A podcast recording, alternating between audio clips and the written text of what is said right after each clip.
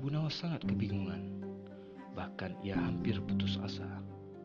Sudah dua hari dapur tidak mengepul asap karena tidak ada lagi barang yang bisa ia jual. Satu-satunya jalan yang bisa dia ambil adalah menjual manusia untuk dijadikan budak. Sebenarnya jika Abu Nawas mau, dia bisa saja menjual teman-temannya.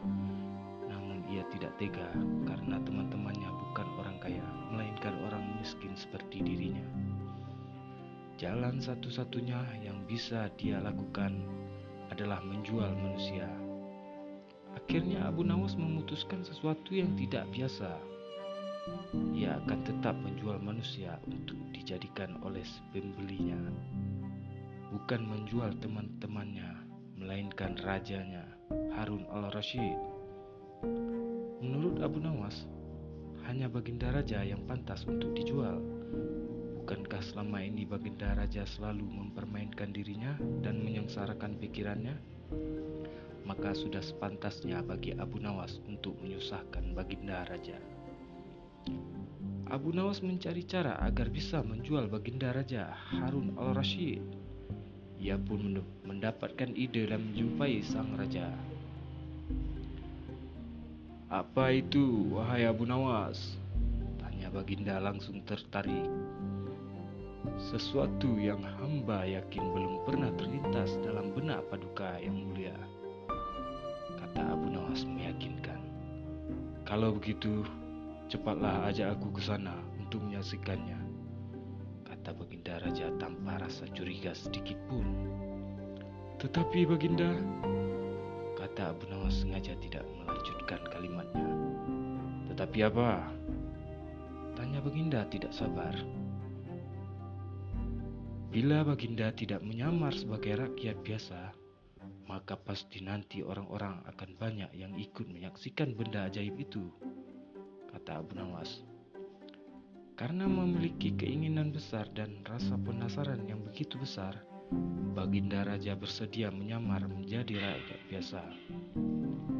Melihat penyamaran sang raja berhasil, Abu Nawas dan Baginda Raja berangkat menuju ke sebuah hutan.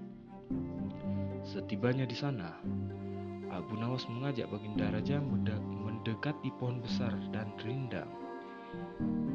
Ia pun meminta sang raja untuk menunggu.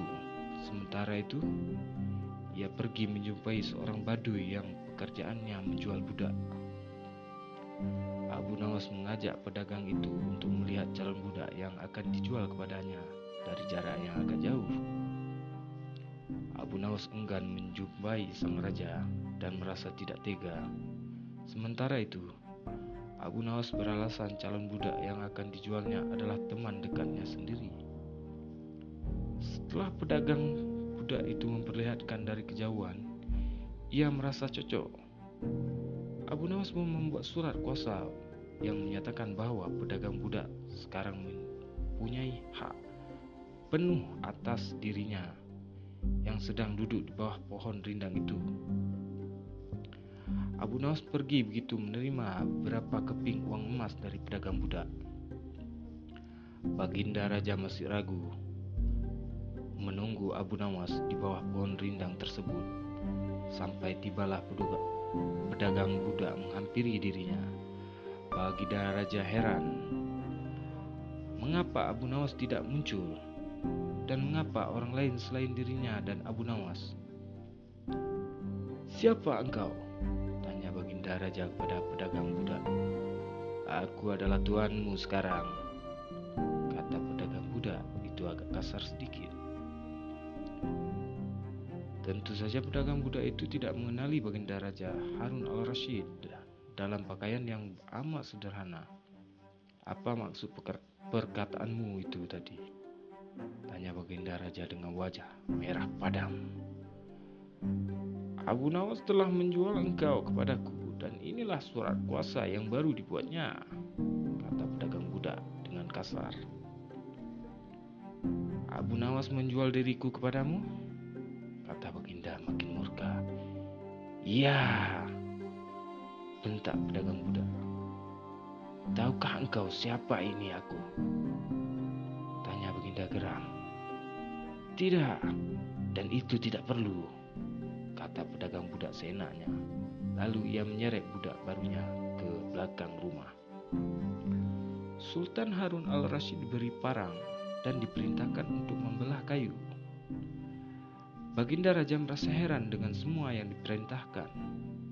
Ia melihat begitu banyak tumpukan kayu di belakang rumah Badu itu sehingga memandang Sultan Harun al-Rashid sudah merasa ngeri, apalagi harus mengerjakannya.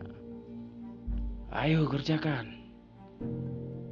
Meski ia merasa kebingungan dengan itu semua, Sultan Harun al-Rashid mencoba untuk melakukan perintah dari tuan barunya. Sultan Harun al-Rashid secara perlahan memegang kayu dan mencoba membelahnya. Namun si Baduy melihat cara Sultan Harun al-Rashid memegang parang merasa aneh. Kau ini bagaimana? Bagian parang yang tumpul kau arahkan ke kayu. Sungguh bodoh sekali. Sultan Harun al-Rashid mencoba membalikkan parang hingga bagian yang tajam terarah ke kayu. Ia mencoba membelah kayu, Tetap saja pekerjaannya terasa aneh oleh si Baduy. Oh, huh, beginilah bekerja keras lebih dahulu.